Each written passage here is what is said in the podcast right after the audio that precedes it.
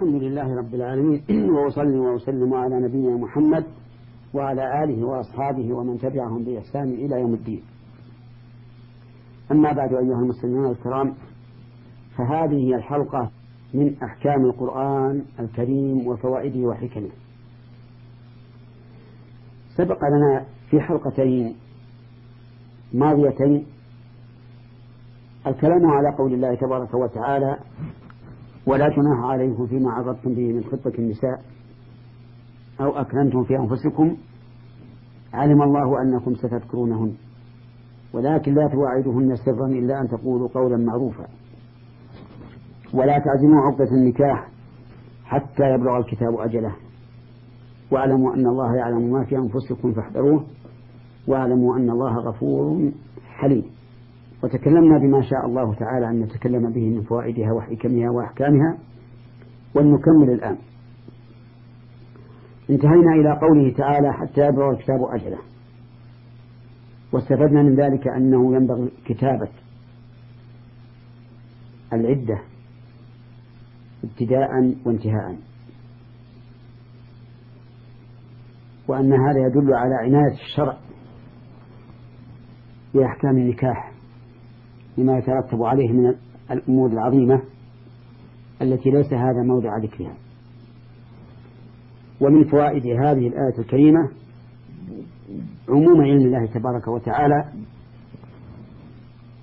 بالظاهر والخفي حتى ما يكنه الإنسان في نفسه لقوله واعلموا أن الله يعلم ما في أنفسكم.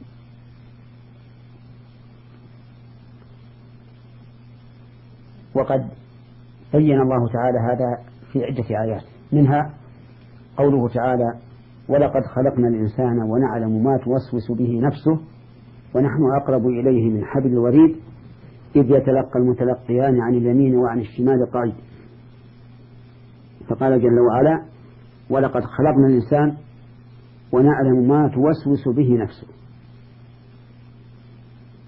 من جميع الخواطر.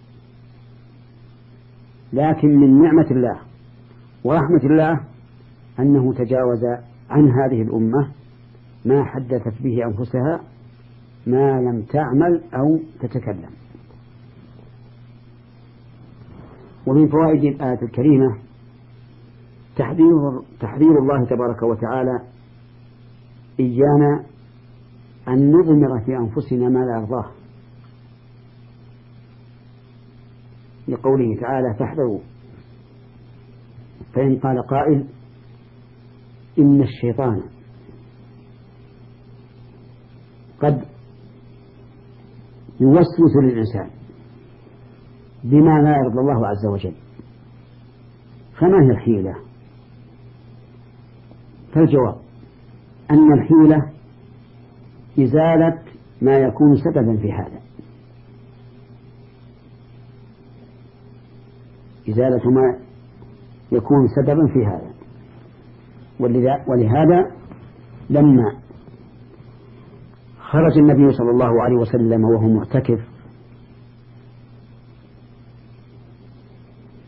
من أجل أن يصحب زوجته صفية رضي الله عنها مر به رجلان من الأنصار فأسرعا أسرع حياء من النبي عليه الصلاة والسلام. أن يرى أن يرياه ومعه أهله في الليل كما يخجل سائر الناس في مثل هذه الحال. فقال لهم النبي صلى الله عليه وسلم على رسلكما يعني تمهل لا تسرع. فقال سبحان الله يعني تنزيها لله عز وجل أن يظن برسوله ما لا يليق. فقال النبي عليه الصلاة والسلام إن الشيطان يجري من ابن آدم مجرى الدم وإني خفت أن يلقي في قلوبكما شرا أو قال شيئا. فهذا مما يزيل الوساوس. كذلك أيضا مما يزيل الوساوس ما أرشد إليه النبي صلى الله عليه وعلى آله وسلم أصحابه حين ذكروا له أنهم يجدون في نفوسهم ما ما يحبون أن يكونوا حممة أي فحمة محترقة ولا يتكلمون به فأخبرهم النبي صلى الله عليه وسلم أن ذلك لا يضر. وأمرهم أن يستعينوا بالله تعالى من الشيطان وأن ينتهوا. وهذا الأمر الواقع من الصحابة واقع في عصرنا اليوم. فما أكثر الذين يلتزمون ثم يأتيهم الشيطان بوساوس عظيمة لا يستطيع الإنسان أن يتكلم بها ليفسد عليهم التزامهم وهذه الوساوس كانت لا تأتيهم حين كانوا على غير استقامة. لكن لما استقاموا أراد الشيطان أن يفسد أمرهم. فجعل يلقي في نفوسهم هذه الوساوس ولكن يبشرهم بأن ذلك لا يضرهم ولله الحمد. وقد قيل لابن عباس أو ابن مسعود إن الشيطان إن اليهود يقولون نحن لا نوسوس في صلاتنا. يعني ما نفكر بشيء. فقال صدقوا. وما يفعل الشيطان بقلب خراب.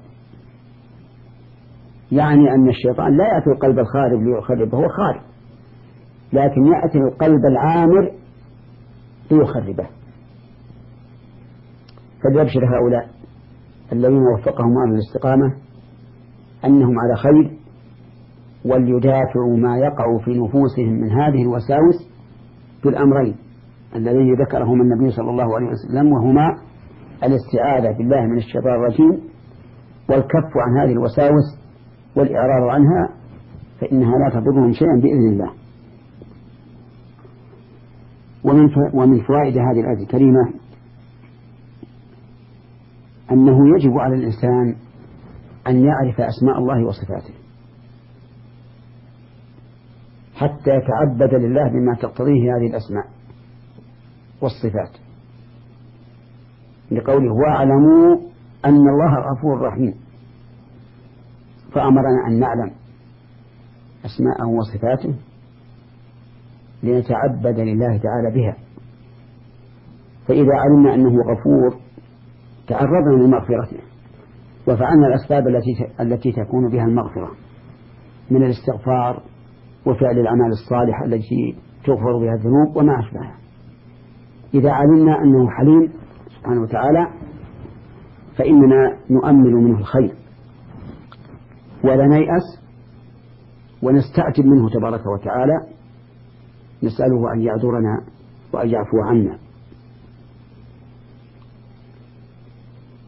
فهو سبحانه وتعالى لسعة حلمه لم يعاقب لا يعاقب الناس عقوبة عاجلة بل يمهلهم لعلهم يرجعون إليه.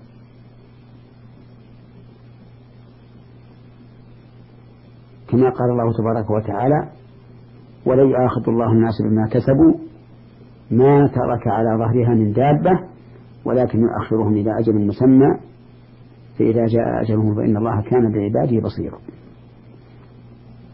وإلى حلقة قادمة إن شاء الله. السلام عليكم ورحمة الله وبركاته.